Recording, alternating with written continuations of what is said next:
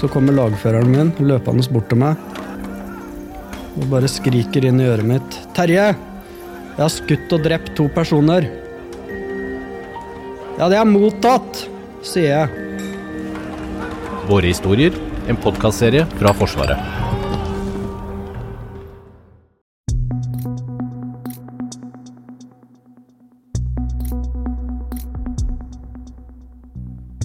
79-årsdagen for frigjøringa av Finnmark nå nylig brøt det ut full krangel ved frigjøringsmonumentet i Kirkenes. For på tross av at han var oppfordra om ikke å komme og holde markering der, dukka plutselig den russiske generalkonsulen opp og la en russisk krans over den norske, sånn at den norske ble dekka til og gjemt bak den russiske kransen. Og når ordføreren i Kirkenes flytta den russiske kransen, da brøt krangelen løs mellom han og ei russisk dame når hun igjen la den russiske kransen over den norske. Men sånn her oppfører man seg ikke. Man skal ha respekt for at Sør-Varanger kommune har lagt ned en offisiell krans på frigjøringsmonumentet. Вам это принципиально? Nasjonalt, det her er nasjonalt monument. Det skal ligge her. Respekt for Sør-Varanger Ну, мои kommune. цветы Ja. я по- поставлю там, где я Vis хочу. respekt for Хорошо? Sør-Varanger kommune. Респект. Я респектерер. Hva er det egentlig som skjer i Øst-Finnmark? Er episoder som det her òg et forsøk på å drive russisk påvirkning i nord? Du hører på Forsvarspodden. Jeg heter Jørgen Lyngvær. Thomas Nilsen, du er ansvarlig redaktør i den uavhengige avisa The Barents Observer. Det skriver jo mye om eh, situasjonen i nord, og det har kontor i Kirkenes, der det er mange russere. Alle gatenavn eh, står både på norsk og på russisk. Denne episoden her med kransnedleggelsen, hvordan eh, skal en forstå den? Eh, Vi har sett at Russland har satt opp mange monumenter langs eh, kysten av Finnmark til hedring av andre verdenskrig. Eh, Og viktig å ha i bakgrunn det russiske narrativet. Det er at den kampen som i dag foregår mot det de kaller nazistene i Ukraina, det er egentlig bare en kamp i fortsettelsen av det besteforeldregenerasjonen eh, starta med under den store fedrelandskrigen, som de kaller det, altså andre, andre verdenskrig. Så minnepolitikken den brukes aktivt av russiske aktører for å legitimere krigen deres i Ukraina. Det er veldig viktig at Norge sier klart og tydelig fra at det er ikke greit. Ja, er det eh, derfor at eh, nå denne type kransnedleggelser og, minnesmerker blir så viktige eh, plutselig? Ja, Russland bruker andre verdenskrigshistorien. De skriver den om. Eh, og det er et veldig viktig instrument i russisk utenrikspolitikk.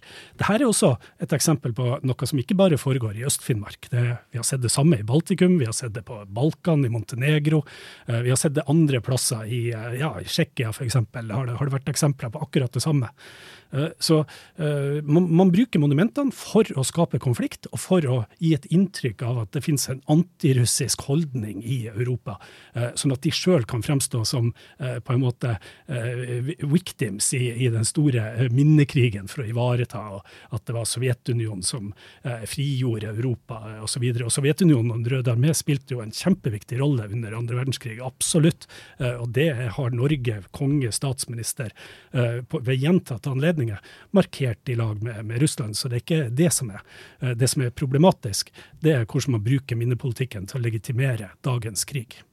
Ja, hva har du av konkrete eksempel på, eh, på typisk eh, påvirkning? Vi har også sett hvordan den russisk-ortodokse kirka har vært brukt til å gå inn og skal prøve å kartlegge en del infrastruktur, særlig på kommunale vannledninger, eh, drikkevann osv., under konteksten av at det her skal være vennskapelig samarbeid mellom Sør-Varanger kommune, som er der Kirkenes er, eh, og Murmansk, eh, mellom Arkangelsk og Vardø. Og de bruker altså de her vennskapskommunesamarbeidene eh, til å prøve å komme inn på innsida, både å påvirke lokale folk, men også til å skaffe seg et grunnlag for det som er i grenselandet mot etterretningsarbeid. Kartlegging. Kan ikke du gi noe eksempel fra oppe nord hvordan uh, kirka vil blitt brukt? Uh, den uh, russisk-ortodokse kirka har vært veldig aktiv i Vardø, uh, f.eks. på å delta i det grensekryssende samarbeidet og samarbeidet mellom Arkangelsk og Vardø, som jo er vennskapskommuner. Både på historiefortellinger, men også på en del praktisk samarbeid. Så begynte vi i Barents Observer å se litt på hvem de her aktørene fra kirka i Arkangelsk-regionen faktisk er. Da ser vi jo at der er det jo mennesker med militær bakgrunn, som er utdanna i militæret, og som senere i livet har tatt på seg eh, svart kappe og latt skjegget gro, eh, og, og bærer rundt på ortodokse kors. Men det her er jo mennesker med klar tilknytning til den eh, russiske militære etterretningstjenesten, GRU. Og, og det, det, kom jo i Vardø, så gikk det jo så langt at til og med man var i ferd med å få ei tomt for å bygge et russisk ortodoks kapell med 180 graders panoramautsikt mot Vardø-radaren. Eh, som jo er en radar som eh, titter på ting som beveger seg interkontinentalt i, i, i verdensrommet. Og en av de viktigste pådriverne på akkurat det var en eh, biskop fra Plesetsk, som er en ikke hvilken som helst by langt sør i Arkangelsk-regionen, men en lukka militærby. Det er Russlands viktigste kosmodrom, og det er hovedsenteret for uttesting av interkontinentale ballistiske atommissiler. Som jo helt åpenbart da vil være litt interessert i hva som Nato kan, eh, og Norge eh, kan, kan eh, monitorere da ifra, ifra Varde. Hva har dere sett av sånn her jamming av GPS-signal? Russland har uh, systematisk uh, i grenseområdene mot Norge jamma GPS-signalene siden 2018. og Dette har jo uh, bl.a. gjort at sivil lufttrafikk i Øst-Finnmark har blitt på en måte ramma av det. Nå går det jo an å lande passasjerfly på store flyplasser som Lakselv, Alta, Kirkenes. men f.eks. for, for ambulanseflyene som flyr på de små kortbanerutene langs kysten av Finnmark, så har de vært nødt til å Det, det finnes eksempler på at de ikke har kunnet foreta eh, oppdrag pga. at GPS-signalene har falt ut. Eh, jeg tror det her er todelt. Jeg tror det ene handler om å sende et signal til Norge, at de er dypt misfornøyd med at Norge støtter Ukraina, at Norge er et Nato-medlem, at vi har sanksjoner osv. Men det handler også om å teste beredskapen på norsk side. Eh, og Norge har jo, i motsetning til Finland, ikke protestert voldsomt kraftig, fordi vi har et veldig fragmentert ansvarsforhold. Er det her politiet, er det Luftfartstilsynet, er det Nasjonal sikkerhetsmyndighet, er det eh, Forsvaret, liksom, uh, Utenriksdepartementet osv. Uh, mens i Finland, når GPS-jamminga var der, så var det rett opp til presidentens bord, og så tok telefonen Nien står presidenten i, i Finland, tok telefonen og ringte direkte til Putin og sa det her er territorielt brudd på finsk luftrom. Sånn at De tester hvor langt kan de pushe grensene. Vi har sett det på Svalbard i forhold til en del eh, 9. mai-parader, sånn halvmilitære parader som har foregått der. Eh, vifting av separatistflagget fra Donetsk på Svalbard. Oppsetting av et eh, krigskors, et ortodoks kors i, i pyramiden eh, osv. Russland er kjempeflink til å utnytte eh, smutthullene i det som ikke nødvendigvis er Eh, eh, forbudt i forhold til norsk lov, men som definitivt kanskje er en uvennligsinna eh, handling. Og ja, som sagt, hver enkelt av dem kan se uskyldig ut, men når man ser det i en sammenheng over tid, da danner det seg et mønster som jeg tror vi i Norge skal være veldig oppmerksom på. Og Det er det vi kan kalle hybride operasjoner. Påvirkningsoperasjoner og kartlegging. Hva er det de ønsker å oppnå med Eh, altså F.eks. kartlegging av eh, drikkevann osv. Nei, altså Det, det overordna ønsket fra Russland er jo å skape en splid innad i Europa. De ønsker å splitte det, det europeiske samholdet i forhold til sanksjonspolitikken, krigen i Ukraina, utvidelse av Nato uh, osv. Uh, når det gjelder uh, den ortodokse kirka og kommunesamarbeidet, for å gå inn og se på teknisk samarbeid mellom kommuner på, på Kolahalvøya i Murmansk-regionen og, og, Norge, så, så, tror jeg nok at vi skal være ekstra forsiktige. fordi at det her handler jo om å ha best mulig oversikt, sett med russiske øyne, i tilfelle det en dag blir en virkelig konflikt. Uh, og en virkelig konflikt behøver jo ikke nødvendigvis å være at det kommer russiske soldater med uniformer med russiske flagg på skuldrene. Eh, men gjerne sånn som det var eh, i Øst-Ukraina, sånn som det var på Krim før annekteringa. Det her vi kaller små grønne menn, eh, som kommer inn og tar ut viktig infrastruktur. Drikkevann, strømnett, GPS-signaler, mobilnettet, internett osv. er jo helt sentrale funksjoner for at samfunnet skal fungere. Og Hvis det her tas ut, så vil det være mye vanskeligere for norske militære, for sivilsamfunnet i Norge, politi osv., å ivareta sikkerhetsinteressene. Jeg var jo nylig i Finnmark eh, sjøl, og i Kirkenes. Eh, en ser jo veldig tydelig at det er et annet samfunn enn uh, i resten av Norge. Uh, kan ikke du beskrive Øst-Finnmark, og hvordan det skiller seg fra, fra, resten av landet? Ja, det er jo en veldig viktig del av, uh, av Norge. men dette har vært området hvor Norge har møtt Sovjetunionen under den kalde krigen. det var en tilnærmet stengt grense, veldig få som kryssa over. Og med glasnost og perestrojka på slutten av 80-tallet og Boris Jeltsin og et håp om demokrati på 90-tallet, så ble denne regionen veldig viktig for å bygge bro til det vi det tenkte skulle være det nye Russland, med demokratisk utvikling, markedsøkonomi, eh, fred og vennskap over grensene, som jo eh, det i stor grad var på 1990-tallet. Det var perioder av håp. Eh, sånn at eh, eh, veldig mye har pågått. Det har vært veldig fint, veldig bra det som har skjedd. Eh, og så er det litt vanskelig nå, da, når plutselig Russland på nytt stenger grensene, og på nytt driver med opprustning og truer med bruk av masseødeleggelsesvåpen mot Europa. Sånn at jeg bruker å si at vi har, vi har slitt litt i, i Øst-Finnmark med et slags kollektivt Stockholm-syndrom, på en måte. At vi ikke helt uh, har tatt inn over oss de dramatiske endringene som har vært fra håp og vennskap til uh, diktatur, uh, som, som, det er i dag. både i russisk utenrikspolitikk, men også overfor landets egen befolkning.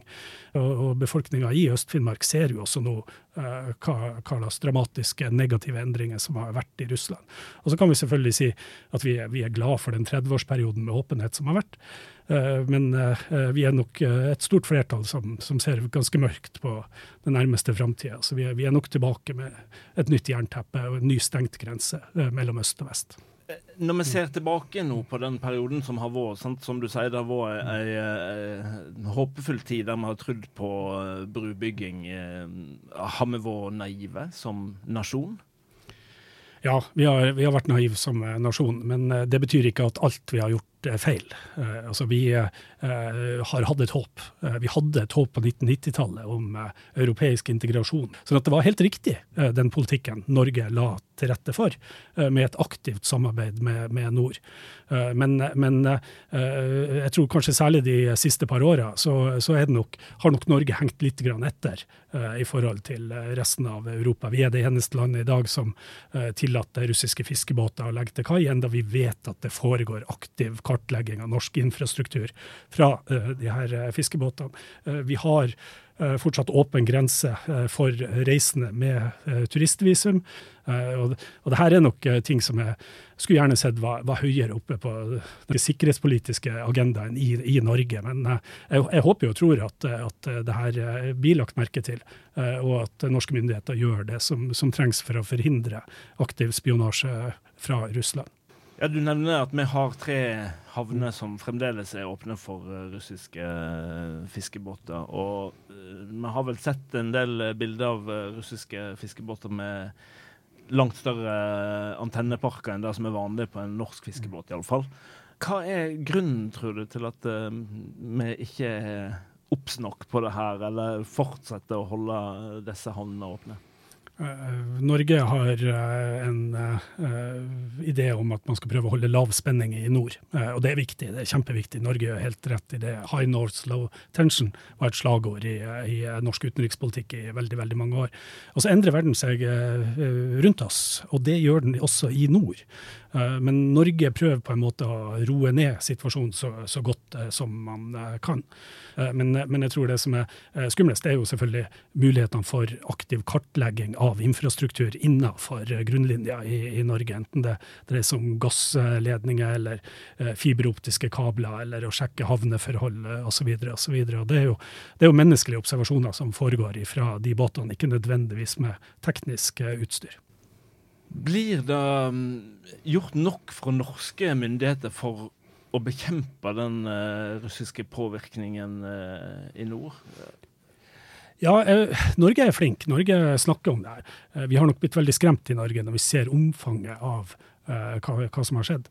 Eh, Men eh, jeg bruker bestandig å si at jeg vil fortsatt anbefale eh, norske myndigheter å fylle opp en buss og dra på studietur til Finland, for å se hvordan de møter russisk propaganda og hybride operasjoner. Finland har jo levd med et litt annet bilde overfor Russland enn det vi i Norge har. De har jo vært i krig med landet og var en del av Russland fram til omkring 19, 1920. Eh, Sånn at det gleder meg litt. Det er liksom det mye tettere samarbeidet som er i dag mellom Norge og Finland, på, også på hybride operasjoner, eh, nå etter at Finland ble Nato-medlem. Som journalist og redaktør så har du reist mye til Russland. Um, hva har du sett når du har vært der?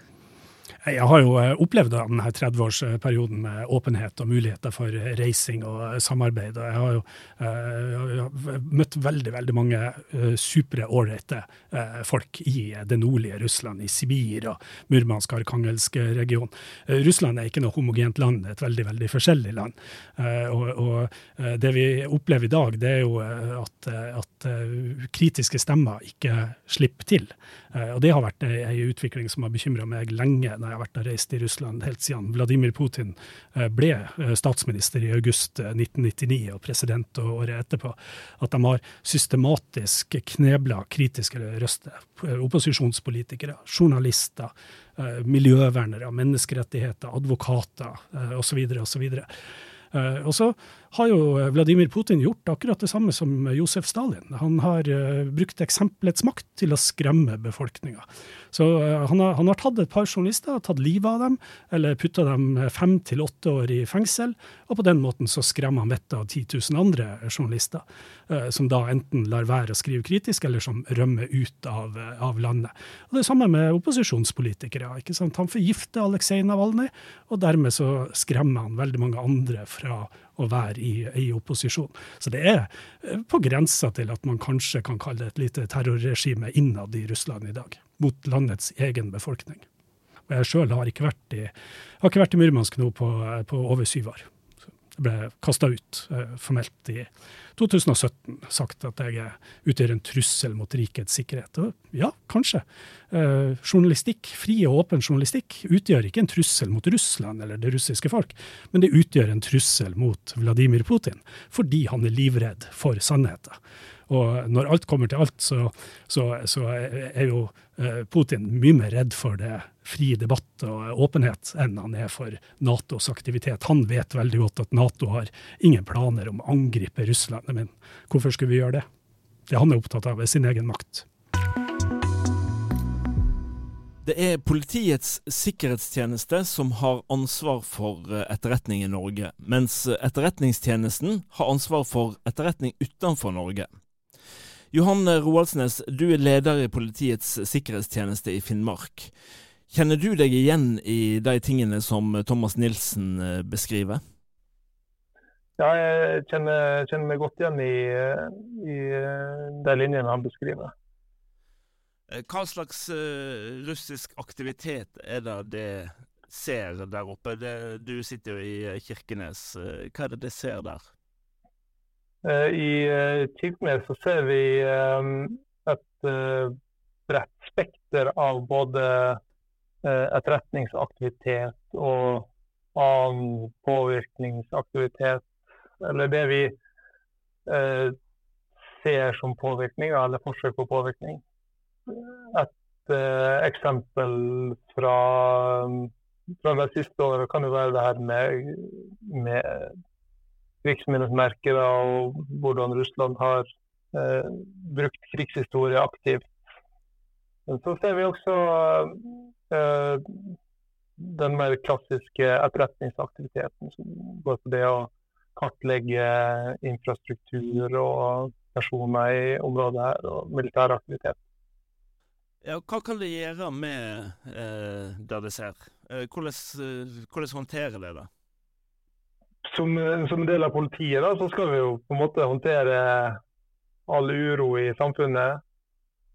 Og PSTs kjerneoppgave er uh, ulovlig etterretningsaktivitet fra andre stater. Og Det håndterer vi med å i det ulovlige forholdet så går vi til inngripen. Uh, og ellers på det her med annen form for aktivitet, så beskriver vi en del trender i det som foregår.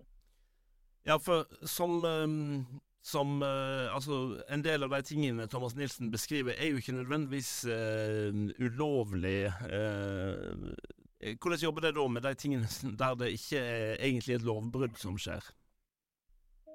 I, i den typen gråsoner så Eh, kan en trend være en del av en russisk intensjon, f.eks. Eh, I det forholdet her der eh, det, altså den individuelle aktiviteten er lovlig, men i, i den grad den er initiert og igangsatt av en russisk statlig aktør, f.eks., så um, er det viktig for oss å beskrive det her på, på en overordna måte for å kunne gi god beslutningsstøtte. Ser dere tegn til at eh, Russland lykkes med å skape splid i regionen? Det er veldig vanskelig å uh, beskrive effekten av en påvirkning. Fordi det blir en forståelse av uh, et landskap i, i, i opinionen. Det, det, det, er vanskelig å peke veldig konkret på effekt, men vi ser det er uh, linjer dratt opp av Russland som øke polarisering i ordskiftet og den slags som, eh, som kan vise en viss effekt. Men vi, vi ser også at um, etter at Russland har uh, gått uh, til angrepskrig mot et naboland, så er det, har det nok, nok virka mot uh, sin hensikt i det å påvirke Øst-Finnmark til å være i, i hermetegn russervennlig eller splitta bort fra resten av Norge. Har arbeidet i Øst-Finnmark fått uh, større prioritet etter uh, annekteringen av Krim, og, og, og kanskje etter uh, invasjonen i, i Ukraina? ja. PST i Finnmark har prioritert Russland ganske høyt siden annekteringa på Krim. Og også etter invasjonen så, så har vi absolutt en veldig høy prioritet på arbeidet. Uh, har det noe samarbeid med Forsvaret, og i så fall uh, på hva måte? Vi har veldig godt samarbeid med Forsvaret, men uh, akkurat spesifikt hvordan, det, det, kan jeg ikke gå inn på. Oberst Jørn Kvilla, du er sjef Finnmark landforsvar. Det er jo PST som har ansvaret for etterretning i Norge, men Forsvaret må jo òg jobbe med denne problematikken. og Hva kan du si om det det gjør der oppe? Nei, vi, eh, vi, støtter jo politiet til daglig i forbindelse med grensevaktholdet. Og, og monitorerer jo situasjonen i grenseområdet nøye. Vi har eh, tett dialog med Finnmark politidistrikt og, og, eh, og, PST eh, og andre aktører i totalforsvaret. Og Selvfølgelig så er vi opptatt av trusler mot uh, vår aktivitet, og særlig da mm, spionasjetrussel. Uh, som, uh, som, vi er veldig bevisst på, og som vi gjør tiltak for, for å begrense de mulighetene um, forskjellige aktører har, bl.a. Russland. Uh, som selvfølgelig er nysgjerrig på hva vi driver med i våre garnisoner og, og den aktiviteten vi bedriver. Ja, ser det de samme tingene som uh, Thomas Nilsen uh, her nevner? Ja da, vi, vi kjenner oss uh, godt igjen i det. og uh, Barents Observer har, uh, har vært veldig etterrettelig og, og, godt informert om, om, situasjonen både i Russland og i, i Norge og Nordkalotten. Så vi kjenner oss godt igjen i, i hans beskrivelser. Eh, vi hører bl.a. han snakke om eh, sånn jamming av GPS-signal. Eh, påvirker det Forsvaret og Forsvaret sine evner i Øst-Finnmark? Uh, jammingen som har pågått uh, i økende grad siden ca. 2017, den, uh, det har vært en, en bekymring og en, og en, en sak som, som, vi har vært veldig opptatt av. Men vår aktivitet er ikke påvirka i særlig større grad av det. Vi har både rutiner og systemer som, som kan håndtere det. Men i totalforsvarssammenheng uh, og sivil beredskap så har vi vært veldig bekymret. Og har, har støtta både statsforvalter og, og politimester i deres vurderinger. Så, så, det er vel egentlig vår største bekymring. Det er jo den, den sivile beredskapen her. Mm. Men er Forsvaret godt forberedt på denne typen gråsoneoperasjoner? Det er noe vi har blitt mer og mer bevisst på og trent på ja, siden jeg vil si siden 2014, da, som var en øyeåpner for, for mange. Og Det er noe um, som vi trener sammen med politiet, som vi, som vi planlegger for internt. og det er klart at det her er mye det er mye juss i dette, på hvem som har ansvar for hva. Og, og, og, eh, i veldig stor grad så er jo vi en, en støttende ressurs eh, opp mot politiet og andre aktører i totalforsvaret når det gjelder eh, sammensatte trusler eller hybride trusler. Da. Ja, hvordan har situasjonen endra seg for Forsvaret i Finnmark etter annekteringen av Krim i 2014 og invasjonen av Ukraina for snart to år siden? Jeg tror vi, vi, kan vel egentlig starte med invasjonen av Georgia i 2008. Um, at vi merka gradvis at, at, russerne trakk seg litt ut av, av, det tette samarbeidet vi har hatt på, på 90-tallet og to, tidlig 2000-tall. Um, samtidig så, så uh, har jo grensesamarbeidet gått uh, relativt bra i hele perioden. Uh, så det, det, er noe som har vært relativt pragmatisk. Og, og, en gjensidig ønske om at det skal være kontroll og, og ro i grenseområdet. Ja, Forsvaret har jo politimyndighet i, i, i, grenseoppdraget. Men er, er grenseoppdraget annerledes i dag enn det var for bare 10-15 år siden? Nei, I det store og hele så er det jo ikke det. Eh, vi løser det samme oppdraget. Vi, eh, er til støtte for politiet. Eh, klart Vi har en, en militær side av, av, oppdraget som går på forsvaret av, av Norge. og, og det, Den biten er vel det som har blitt intensivert, særlig siden 2014. Vi, vi bygger opp Eh, garnisonen i Sør-Varanger. Eh, den har vært, eh, vært bygd opp og, og styrka siden 2016. Og selvfølgelig så bygger vi opp også resten av, av Finnmark landforsvar. Så alt dette her er jo som en konsekvens av første invasjon av Ukraina i 2014. Det er ikke noe tvil om det. Men, men grenseoppdraget til støtte for politiet, Schengen-oppdraget, det, det har gått relativt uh, uh, godt i samme sporet. Men vi ser jo at vi, um, vi må være forberedt på nye, nye, trusler. Det har jo vært, som du sier, altså en, en oppbygning. Hvordan ser det ut for Finnmark landforsvar framover? Vi, vi, er jo i en oppbygging og har vært det siden 2018, da når Finnmark landforsvar ble gjenetablert. Eh, så nå, nå, sitter jeg på Porsangmoen og ser på all byggeaktivitet som skjer på Porsangmoen, eh, og det er betydelig. Eh, som er et tydelig, tydelig tegn på økt satsing i, i, forsvaret, i, forsvaret, av Finnmark. Så, og så har vi jo forventninger til kommende langtidsplan.